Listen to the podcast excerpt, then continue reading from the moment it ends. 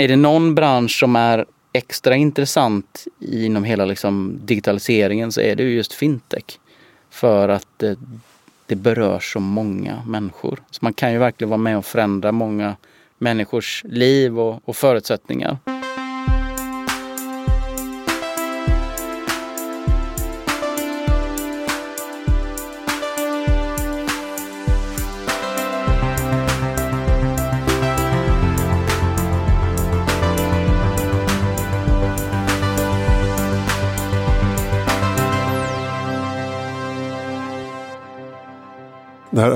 Framtiden och eh, jag heter Christian von Essen och sitter på GT30 Helio i Stockholm med eh, Gustav Berghåg från eh, Smarta Group. Välkommen till podden. Tack så hemskt mycket. Säger man Berghåg? Man säger Berghåg, stämmer bra. Från Göteborg, eller? Utanför Göteborg? Från en liten, liten ö utanför Göteborg som heter Björke. Ett eh, gammalt fiskesamhälle med ungefär eh, 1200 invånare. Och vad, vad gjorde du där? Ja, hur hamnar man där? Det var faktiskt så att eh, min pappa kom från eh, Bohuslän och min mamma kom från Halland och då möttes de väl halvvägs i Göteborg. Och eh, sen när jag var på väg, äldst, äldsta sonen, så var det dags att hitta någonstans att bo. Och eh, då lät ju Björke, en ö i skärgården, som ett eh, bra ställe att växa upp på. Så att, eh, då hamnade de där ute. Okej, okay. och sen eh, men sen kom du så småningom in till eh, storstan Stockholm och eh, började jobba med eh, MTG och Stenbeck-sfären. Precis. Eller har vi spårat fram för fort nu? Nej, men det tycker jag väl. Eh, det är klart att det, det, det är ju ett hopp på 20 plus år så att säga. Eh, man kan väl säga så här att eh, under min uppväxt så, så fanns det alltid någonting där kring eh, privatekonomi och och, eh, och att göra affärer som lockade. Eh, och då tog sig uttryck i att jag som tioåring tillsammans med en av mina bästa vänner startade ett, eh, en verksamhet som faktiskt eh, utnyttjade det som fanns omkring oss i naturen och det var ju då att faktiskt ge oss ut och fiska. Och fiskade ål och sålde det till grossister söderut i, i Sverige som i sin tur då skickade iväg det här till Danmark tror jag. Så, att, så att redan då fanns det liksom en, en, eh, ett intresse det här för att, eh, att, att driva verksamheter och, och, det är väl någonting som har följt mig igenom liksom, eh, mitt liv kan man säga. Mm. Så från ålfisket, då har vi fått täppa till den luckan då? Precis, den viktiga ålfiskeluckan. Ål. Och sen så hamnade du på, var det, mm, var det Tele2? Precis, först? jag hamnade på Tele2. Och det var ju så att när jag studerade så fick jag upp ögonen för Stenbeck, Kinnevik, kulturen. Tyckte att den verkade som en väldigt spännande miljö att komma in i. Utmanare, snabbfotade och ja, men de, de syntes ju och hördes väldigt mycket. Mm. Och det, det lät verkligen som, en, som att kickstarta sin karriär och komma in i en sån miljö och göra massa, massa spännande grejer. Just det, var Metro också då? Precis, Kinnevik hade ju då, eh, det var Metro, det var Tele2, det var MTG eh, och även då Millicom. Så att eh, det hände ju väldigt mycket. Mm. Men var inte, för jag, jag vet inte, jag är väl några år äldre än du, jag är 79. Precis, jag är född 82. 82, ja. Nej, men jag, jag minns bara att man blev lite lockad av den sfären och den världen.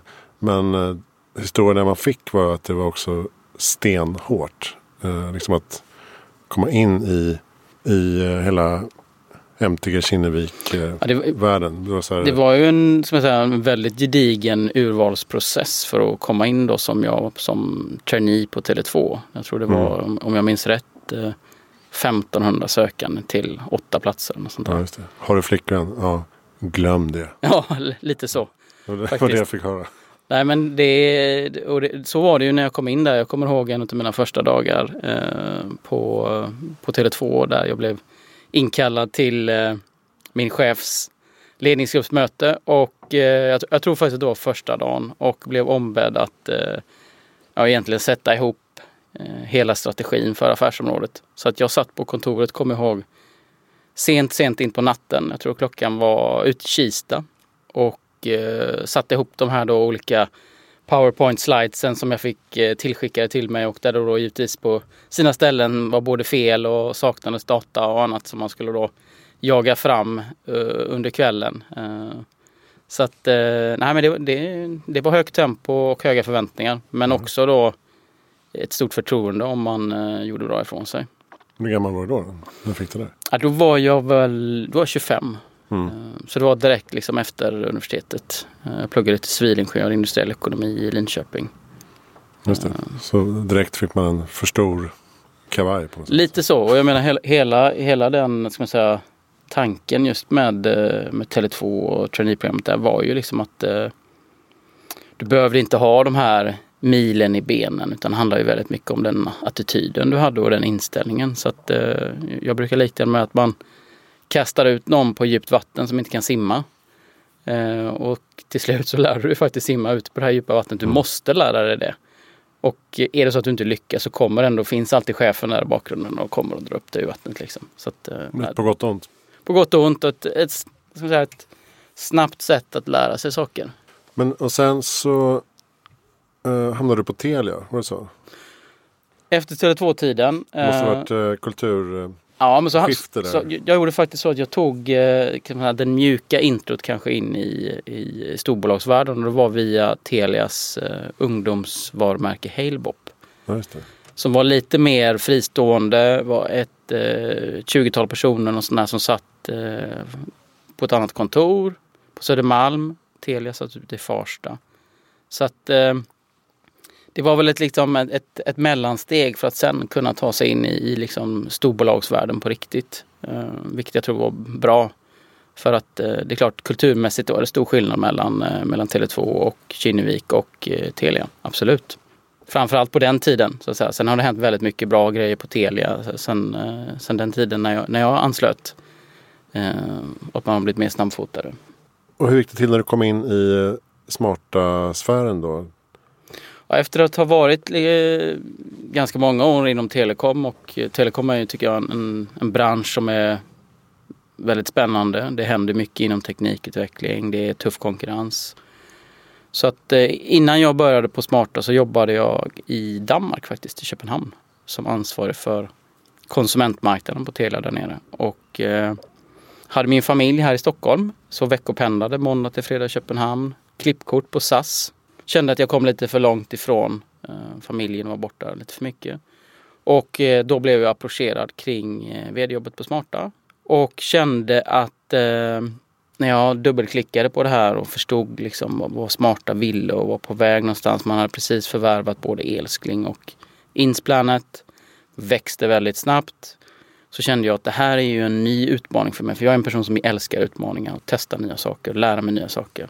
Att få komma in i en eh, i en värld som är helt och hållet digital, växer snabbt eh, och det finns som stora planer framåt kändes väldigt eh, stimulerande. Så det var inget jättesvårt val sen när väl erbjudandet låg där framför mig kring att eh, ta det här jobbet. Utan det här, det här kändes superspännande. Och nu har ni 300 anställda? Eller? Vi är drygt eh, 300 anställda, ja 330 mm. i dagsläget. Eh, planer på att anställa ytterligare ett 30-tal eh, medarbetare under faktiskt as we speak. Eh, så att eh, vi satsar för fullt. Och det gör väl oss ganska unika i dessa tider att faktiskt anställa så pass mycket personal. Det är ju nästan 10% fler vi kommer vara mm. här om några månader. Jag tror det, det, säger också någonting om på något sätt potentialen i den branschen vi befinner oss i. Det säger en del om våra ägare. Vi ägs utav Bauer Media Group som är väldigt, väldigt långsiktiga och bygger bolag för nästa generation. Eh, och eh, nej, det, känns väldigt bra att ha, just i dessa tider, ha en sån stabil och trygg ägare som ser väldigt långsiktigt på det här. Mm. Ja, som du berättade innan då, tysk, uh, tyskt familje... Tyskt familjeägt bolag med verksamhet över hela världen egentligen. Och äger då bland annat Energy och Mix Megapol, Mix Megapol här. i Sverige. Och har då i, i de smarta jobbar ju över tre marknader. Det är Sverige, Norge och Finland och eh, Bauer Media Group har ju då radio i alla de här tre länderna. Så vi jobbar ju tajt ihop med dem att eh, få ut våra budskap till kunderna via deras kanaler. Mm. Jag ska kanske tillägga att Smarta eh, med Z är ju um, inte något färskt eh, startupbolag heller utan ni har ju funnits i 20 plus år i olika Ja. konstellationer. Smarta är ju faktiskt egentligen det ska man säga, bolaget just inom jämförelsetjänster som har funnits längst. Eh, bolaget grundades 1999 i Ängelholm och eh, hade då ett helt annat namn. Det hette Svensk Bolåneservice. Sen över åren så har man då gått från eh, Svensk Bolåneservice till Freedom Finance och sen då under 2015 så bytte man namn till Smarta med Z. Och 2016 så köptes bolaget av Bauer Media Group. Och över tid då så har också produkten utvecklats från att vara fokuserad på lån i olika former till att nu då ta ett helhetsgrepp om hushåll, eh, hushållsekonomin. Då vi erbjuder då privatlån, elavtal, försäkringar, bolån och nu även sedan i höstas då jämförelser av företagslån. Men och, och affärsmodellen är hela tiden att ni tar aldrig någon risk eller lägger ut det med något kapital utan det är hela tiden förmedling av andras Ja, tjänster. förmedling av andra Ett tjänster. lager liksom på. Så man får säga att vi är ju någon form av matchmaker Mm. mellan en konsument som vill spara tid och pengar och ett företag, en bank eller ett eh, elbolag eller ett försäkringsbolag som vill få in nya kunder. Och jag funderar lite på det här. Vad är liksom utmaningen med att bygga en jämförelsetjänst?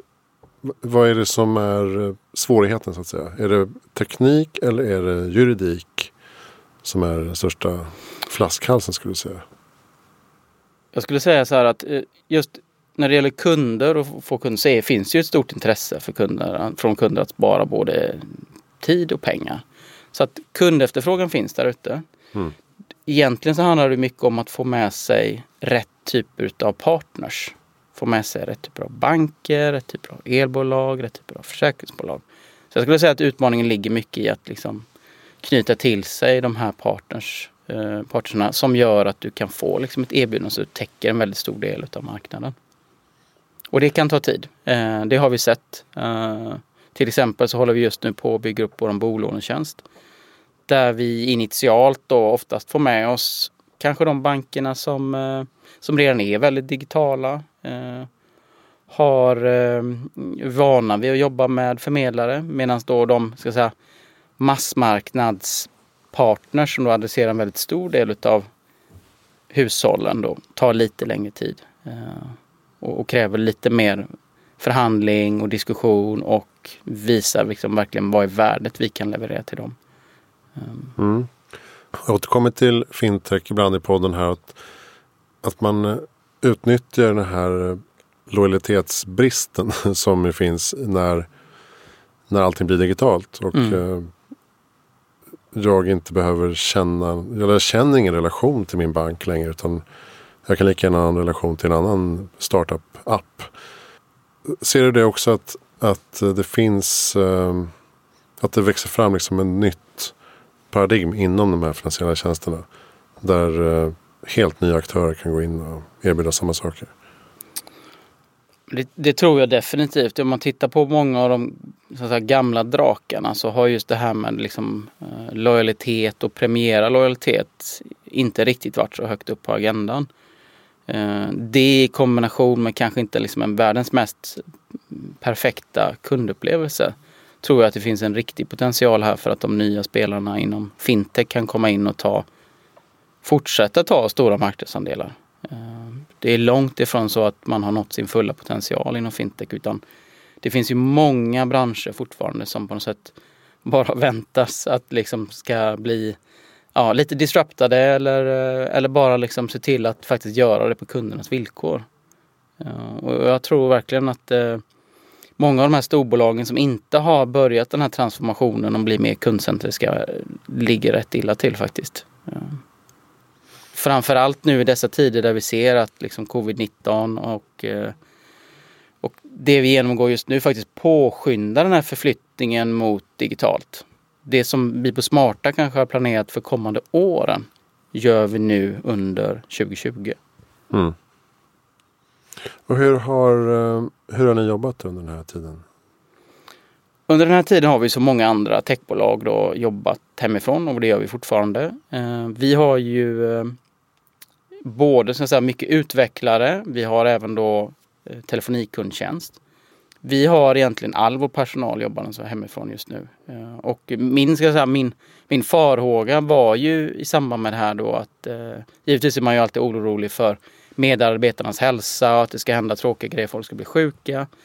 Det har vi faktiskt sett att vi turligt nog har klarat oss bra ifrån. Men det är också för att vi kanske tog de här åtgärderna tidigt att, att, eh, att skicka hem våra medarbetare.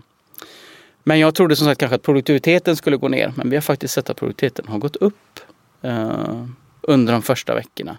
Och det har hållit i sig. Och det, ska säga, det, det är ju en lärdom som jag har dragit här att eh, man ska inte vara rädd för att liksom ge mer förtroende till medarbetarna. Utan att eh, lita på medarbetare, det kommer alltid lösa sig. Eh, och att vi klarar mycket mer än vad vi tror egentligen. Ja, och att eh, de här timmarna som man måste lägga in i kontoret behöver inte vara lika många.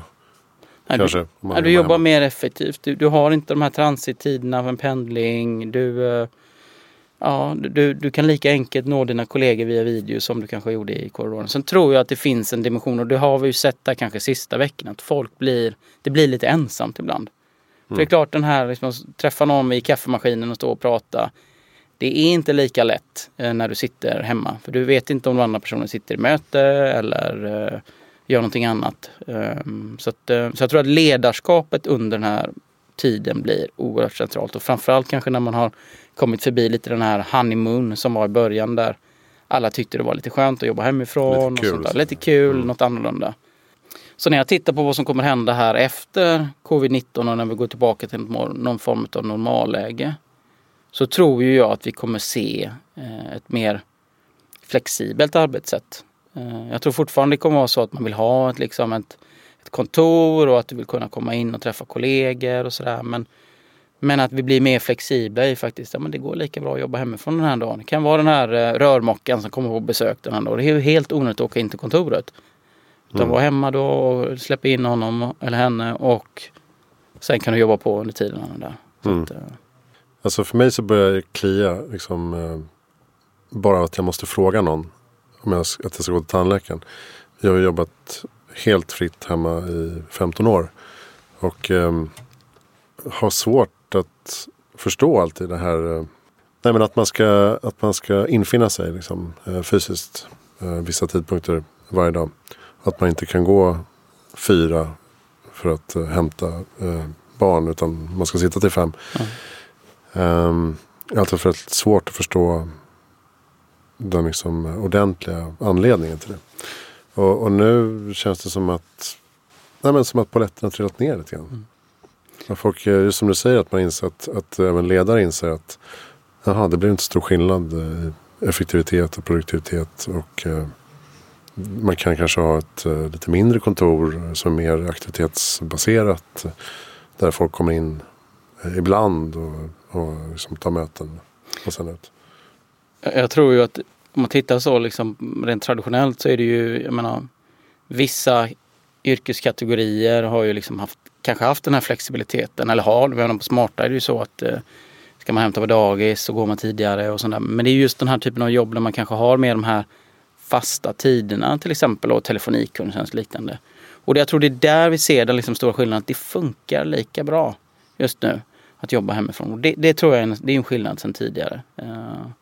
Medan jag tror att många andra bolag har ju ändå haft den här flexibiliteten i mer andra typer av yrken eller roller. Då. Så, att, eh, så det är glädjande att se och jag tror att eh, även att eh, det här med affärsresandet som har varit ganska liksom, frikostigt får man väl lov att säga. Framförallt när man sett att flygpriser och sånt har gått ner eh, sista åren så tror jag att nu med alla verkligen märker att de här digitala lösningarna är så bra så behöver du inte åka ner som vi har ett kontor i Ängelholm. Du behöver inte åka ner dit för att ha ett, eh, ja, tre möten som tar totalt tre timmar utan du kan lika gärna ta dem på video. Mm. Så att då sparar du både tid, du blir mer effektiv, du sparar på miljön, du sparar kostnader. Så att det finns många vinningar av, av just de delarna, att vi får en, liksom en aha-upplevelse kring det. Eh. Men hur har, hur har du agerat som eh, vd i den här situationen? Har du fått liksom lägga om din strategi och ditt ledarskap? Kommunikation blir ju ännu viktigare i de här typen av tider när du liksom inte, du ser inte, du träffar inte folk. Så jag har ju på något sätt gett mig in och blivit väldigt, väldigt aktiv i de digitala kanaler vi använder inom Smarta. Vi använder till exempel Slack väldigt, väldigt mycket och har en Mm. gemensam kanal där. Ehm, jag är oftast, nästan alltid först in på morgonen och hälsar god morgon till alla. Ehm, och som idag, eh, ett litet peppande meddelande till till, eh, till våra medarbetare eh, om att nu är det snart, nu är det fredag, nu är det, stänger vi bästa, veckan på bästa sätt. Så, att, försöker vara väldigt närvarande, ehm, synas i den mån det går i våra digitala kanaler, kommunicerar hur det går för verksamheten. Så att ett ännu mer närvarande ledarskap skulle jag säga eh, i de här tiderna. Mm. Det måste vara väldigt märkligt och så här. Jag har 300 anställda men jag vet, har ingen aning om var de är eller vad de gör just nu. Nej, så, så är det ju. Eh, och, och, men, men då känner jag faktiskt att jag, jag är imponerad av det engagemang och ändå liksom hur positiva många varit i den här liksom, tuffa situationen inom organisationen. Eh, och delar med sig av eh, nu tog jag en löprunda och delar med sig av, jag sprang på 4 kilometer på 20 minuter och, och lägger ut det här i den här kanalen och, och får liksom glada tillrop från kollegor och annat. Så att det har varit väldigt mycket så positiv liksom, ja, energi får jag lov att säga. Sen har vi jobbat mycket med också med mer liksom lite, vad ska man säga, eh, motivationshöjande delar. Till exempel så har vi skickat ut eh, paket till alla våra medarbetare med, eh, det kan vara ett, eh, ett brev där vi skriver eh, du är bäst, eh, kör järnet och så har man fått med lite godis och en, kanske en, ett par smarta solglasögon. Så har vi skickat det här en gång i veckan till våra medarbetare då, via posten. Eh, Och det har varit väldigt uppskattat och våra medarbetare har delat på sociala medier och tyckt att Smarta är verkligen en arbetsgivare som bryr sig om eh, dem. Så att, eh, ja, vi har också gjort en, en del sådana. Vi har också insett att man behöver få lite den här eh, motivationshöjande delen eh, extra mycket nu när man kanske inte blir peppad Mm. på samma sätt. Och det där är intressant för att för det handlar också om hur bibehåller man kultur när alla sitter hemma i, i kalsonger. Det är ganska svårt. För att jag kan lika gärna som anställd kan jag lika gärna gå till en annan arbetsgivare eh, på datorn. Mm. det är liksom ingen som, det blir en stor skillnad. Mm. Så att eh, där vet jag att flera har liksom eh, kämpat lite grann med att, med att eh, behålla den, Mm. den känslan. Och det, det är ju ett sätt då. Mm. Som låter, det låter jobbigt och kostsamt men det är väl inte det egentligen i jämförelse. Sen nej, eh, eh, absolut inte. Och, och klart det, det, det kostar lite men å andra sidan tror jag vi vinner mycket. Eh, och sen kan man ju hitta, det är någonting som jag tog med mig även från, från Kinnevik, att, att vara kostnadsmedveten. Man kan hitta smarta, roliga sätt som inte behöver kosta så mycket men som har ett högt upplevt värde. Så, att, så det jobbar vi också mycket med. Att uh, allting behöver inte kosta jättemycket pengar. Så för det del kommer det också innebära att vissa av de här förändringarna blir lite mer permanentade efter att krisen är över. Jag tror vi lite grann, vi är fortfarande inne i en sån här period där, det- där vi menar, fortfarande lite grann inte riktigt vet hur, hur det här kommer spela ut. Eh, jag, jag tror mycket på det här med att, eh, att hitta den här balansen som vi pratade om tidigare mellan att jobba hemma och ha den här flexibiliteten och vara på kontoret och träffa kollegor och få, få en bra känsla av vad det vad som händer och så. Så vi får se helt enkelt men det är absolut någonting vi, vi tittar på. Jag tror det är många, många företag med oss som gör samma sak. Vad finns det för eh, planer framöver då? Tittar ni på andra utlandsexpansioner eller fler typer av tjänster? Nu är det så att vi, vi, eh, vi finns ju i Sverige, Norge och Finland. Och eh, jag nämnde tidigare att vi, vi håller på rekrytera för fullt. Eh, så att just nu håller vi på att eh, bygga nya produktvertikaler i Norge och Finland framför allt. Eh, men som sagt, vi är ett bolag som tittar efter tillväxt. Så att, och vi har en stark ägare i ryggen som vill att vi ska växa. Så att eh, vi, vi har alltid utlandsexpansion på radarn eh, och dyker upp saker så, så tittar vi på dem. Det måste ta ganska lång tid att, som du säger, att hitta rätt partners och förhandla fram avtal och få tillit och liksom, eh, förtroende. Det som är fördelen för, oss det, det är ju då att om man tittar på, liksom på Norden så är det ju ändå så att de partners som vi har i Sverige och Norge och Finland, de till exempel kanske finns i, eh, i Danmark till exempel eller i Mm. Baltikum. Eller, så det är ju liksom, vi drar ju nytta av att vi, liksom, vi har en relation och det är oftast där vi börjar så att säga, befintliga partners. Vi har planer på det här, vill ni följa med och växa liksom? Ehm, Så att det, det är mer när man bygger helt nya produktvertikaler, liksom börjar från scratch, då, då tar det längre tid. Men finns det några sådana planer då? Vilka typer av jämförelsetjänster kan man tänka sig framöver? Inte bara från er då. Utan... Vi har ju under mitt år, eller drygt ett år här på Smarta så har ju vi då tittat på en, eh, ska man säga, på en, på en ny strategi. Vi har lanserat ny vision, nya värderingar. Och som en del av den här strategin så har vi också tittat på och sett att om man ska vara lite krass så har det inte hänt så mycket inom jämförelsetjänsterna de sista tio åren. Utan det, det är liksom one size fits all egentligen. Man tar liksom inte hänsyn till varje kunds unika preferenser kring om man föredrar liksom ett eh, grönt bolån eller ett grönt delavtal eller att man har ett företag. Och så. så jag tror mycket det handlar om att se liksom varje individuell konsument. Så det, det är en del, alltså personifiering. Sen har ju också traditionellt jämförelsetjänster mycket, eller nästan uteslutande tittat på kostnadssidan. Men ett hushåll har ju även intäkter.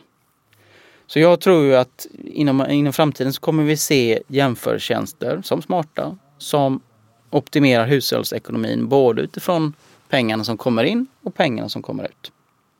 Och det är någonting som vi tittar på. Då kan det ju vara investeringar, det kan vara pension, det kan vara sånt som lönekonton etc. Men att du bättre på, tar hand om faktiskt de pengarna som kommer in och investerar dem på rätt ställe.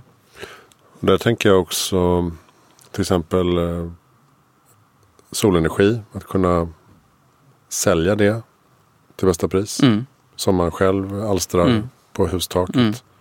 Så tjänster för det kommer väl också dyka upp. Säkerligen. Och jag menar, vi, vi, vi börjar ju så att vi börjar titta på liksom, ja, men hur ser hushållsekonomin ut? Vad är de stora liksom, intäktsströmmarna och hur placerar man dem idag?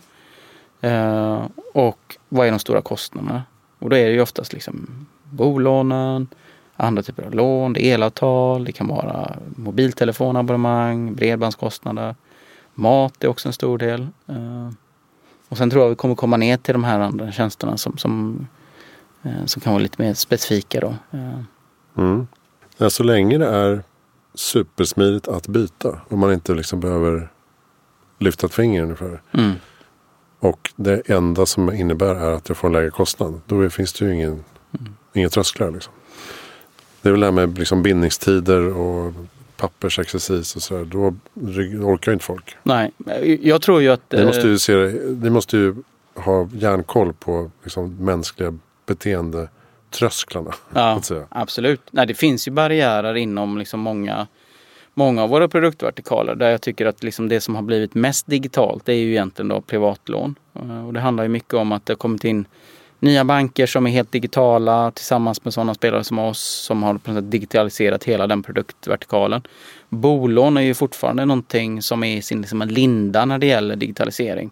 Tittar man på oftast då de, de stor, storbankerna så, så har ju deras liksom processer, de, de, är, de är äldre och du får hem en bunt papper. Eh, men det är ju trots allt 2020 nu eh, och eh, den, den produktvertikalen borde vara mer digital.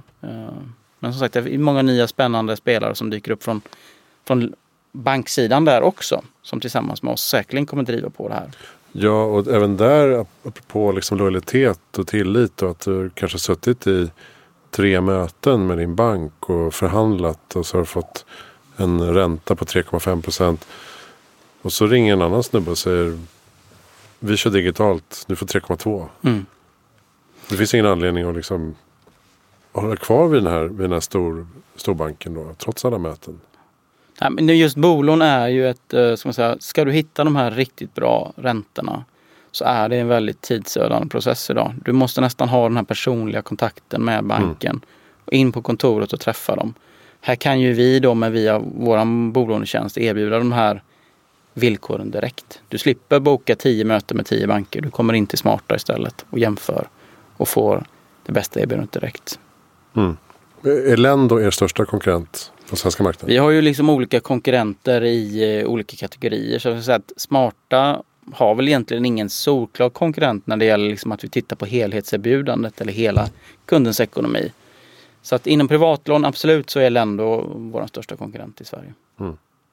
Ser du er som en, en del av liksom fintech-ekosystemet i, i Sverige och Norden?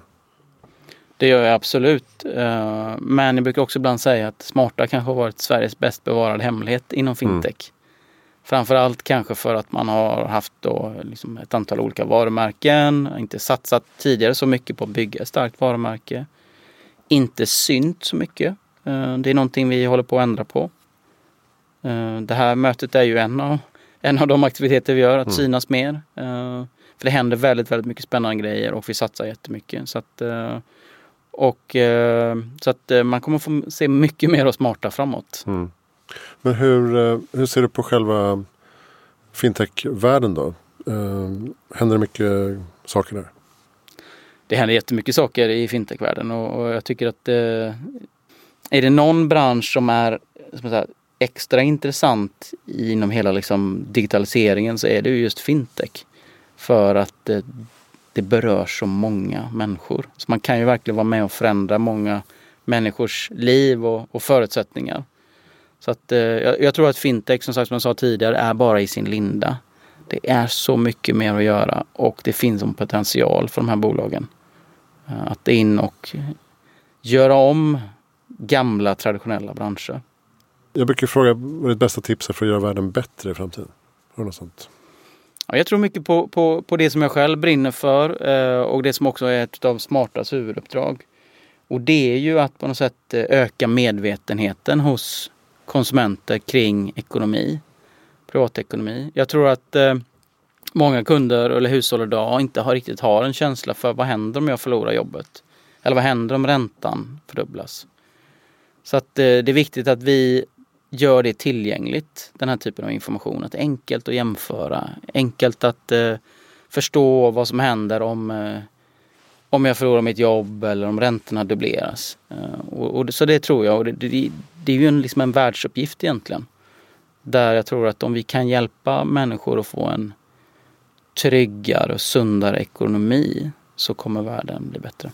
Ja, och, och ni som verkar inom den Eh, branschen sitter väl lite på två stolar också. Så att ni hjälper folk att få lägre ränta på sina lån men samtidigt som det kanske blir lättare att ta mer lån. Om du förstår. Den här privatekonomiska skuldsättningen är ju någonting man pratar mycket om. Um, hur ska man liksom komma till rätta med det? Tycker jag? Men jag tror, jag tror mycket det handlar om det här med att, att hitta den här liksom då en förståelse för privatekonomi, men förstå liksom att det, det, kanske inte är den rätta lösningen att lösa det här, eh, den här renoveringen med att ta ett lån utan jag kanske ska faktiskt eh, spara till det eh, istället. Så jag tror lite grann det här med att spara och slösa, den balansen måste bli bättre. Och där tror jag som sagt att vi på Smarta kan vara med och hjälpa till. Jag menar lån är en del av det vi gör. Men vi har även då som sagt andra vertikaler. Så att jag ser oss lite grann som eh, säga, din, din personliga CFO som hjälper dig eh, med det du kanske tycker idag är krångligt och svårt och kanske inte orkar göra. Så att, eh, så att det är ett superviktigt eh, uppdrag att, eh, att hitta den här liksom på något sätt hjälpa hushållen att hitta en sunt förhållningssätt till att låna. Mm. Sen klart att en tjänst som oss hjälper ju kunderna ofta då att, att sänka sina kostnader. Så att, eh, så att det, det, nej, det, det är en viktig fråga. Eh, och jag tror ju också att eh, tittar man lite längre fram här så har det ju varit en hel del diskussioner kring eh, förslag om ett gemensamt kreditregister till exempel eh, i Sverige. Eh, och det är ju någonting vi också står bakom. Att kunna göra det mer transparent för långivarna att verkligen, ja, men ska den här kunden få ett lån eller inte? det är fortfarande ett steg kvar, även om Sverige är ganska utvecklade inom det här, till att få helhetsbilden. Men äh, hur skulle det funka då? Alltså är det att nu måste man göra varje avvägning, varje aktör måste göra varje avvägning eh, enskilt? Det finns inget register egentligen som samlar alla typer av lån på ett ställe. Så att eh, du har till exempel UC som har delar av, av informationen men inte helt och hållet komplett. Eh, utan man, man, skulle behöva ha ett mer ett, ett säkrare system där man är säker på att alla typer av liksom skulder finns samlade och att det också då är liksom mer eller mindre i realtid för att få Jaha. rätt bild. Jaha, de samlas inte allihop där? Nej, det kan finnas delar som inte finns med i de här. Då. Mm. Uh. En mer eh, koordinerad uh, databas som ja. är liksom transparent för, för branschen? Ja, exakt. Vem skulle kunna instifta en sån? Nej, men jag, jag, tror väl kanske mycket mer egentligen på att man, att man liksom låter branschen komma fram till det här själv. Att det kommer liksom en, en, en uppmaning eller en, som man kallar en nudge från, från, från, eh, från regering och från myndigheter att liksom låta liksom branschen själva lösa det. Jag tror att det går mycket snabbare att göra det på det sättet snarare än att det kommer en reglering. Uh, alltså det är inte att, eh, Finansinspektionen som ska sitta och Nej, jag, jag tror kanske inte. Utan kan man hitta ett sätt där liksom man får aktörerna tillsammans uh, uh, lösa det här så tror jag kanske nästan att det är att föredra.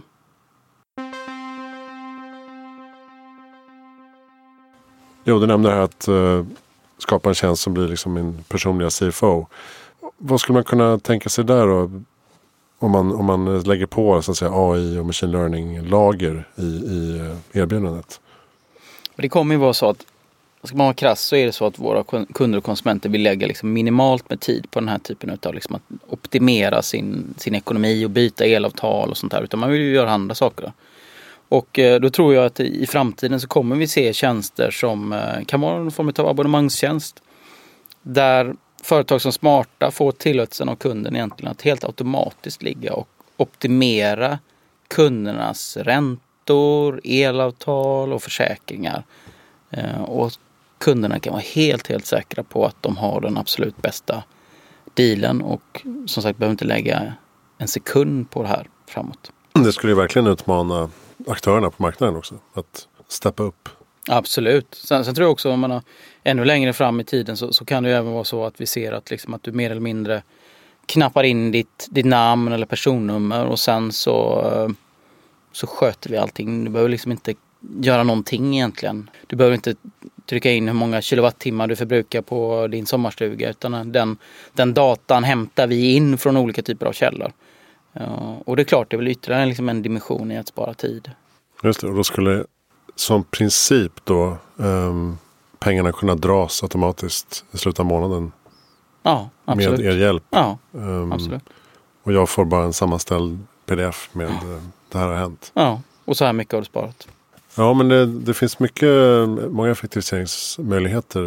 Eh, om man tänker gentemot nu med alla avtal som är krångliga att förstå. Det är papper, det är brev, det är fakturor, eh, försäljningsavgifter som skulle kunna bara sugas in i ett, ett system. Ja, det finns ju så mycket liksom, data nu och fler och fler liksom, eh, källor öppnas upp för liksom, där vi kan då integrera mot. Så jag, jag, tror att vi tittar liksom framåt i tiden så, så kommer kunderna inte behöva oroa sig för det här längre utan de kommer behöva liksom minimal insats där vi liksom sköter allt åt dem.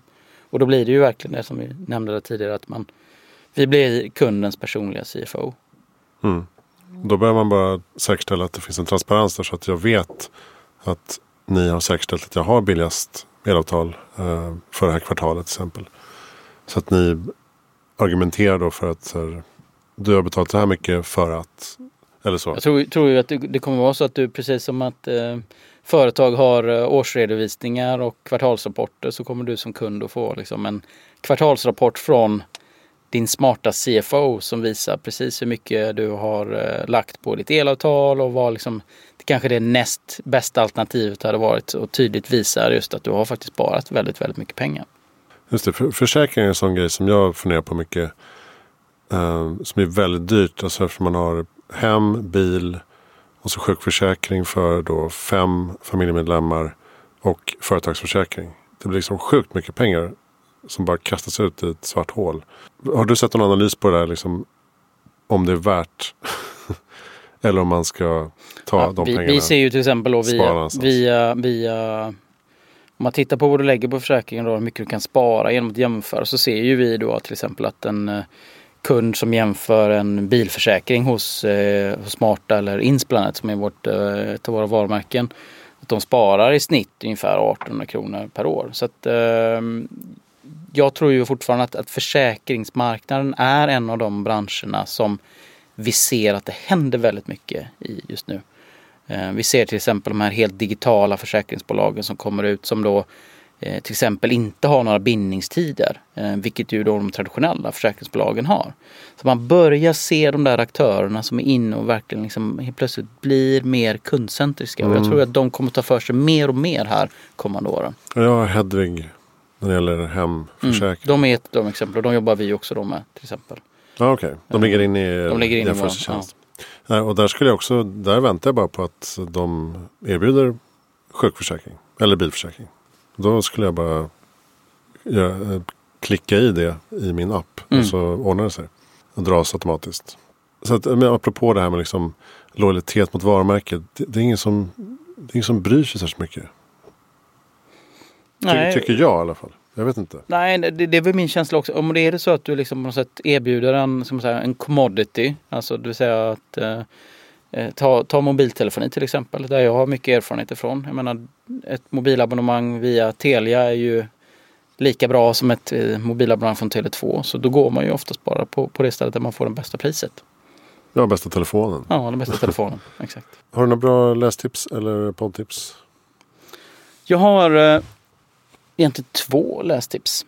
Eh, Tänka snabbt och långsamt av Daniel Kahneman. Mm. Så mycket handlar om det som vi faktiskt har nämnt här idag. Om hur människor idag tar beslut. Att man kanske inte alltid tar det rätta beslutet för att man har eh, så kallade snedvridningar. Att du har eh, upplevt någonting tidigare vilket gör att du tar liksom ett, ett felaktigt beslut. En väldigt intressant bok och eh, ganska tjock lunta att läsa. Ja, men, jag tycker han snör in på en massa konstiga saker i andra halvan. Ja, men, men som princip är den ju väldigt relevant. Och sen finns det ju en annan bok också som heter Nudge av Richard Taylor. Som också är en intressant bok. Och, och där tror jag liksom att apropå det att liksom att hjälpa människor att göra rätt val. Mm. är också intressant och mycket handlar det ju liksom, vi är inne på det vi pratar om idag, just privatekonomiska frågor. Att, att hjälpa kunderna att, att ta de här rätta valen framåt. Ja, kanske framförallt nu om vi ser en period framför oss eh, där folk kommer ha det ganska privatekonomiskt tufft. På många håll mm. i samhället. Bra. Vem tycker jag ska intervjua i Heja Framtiden?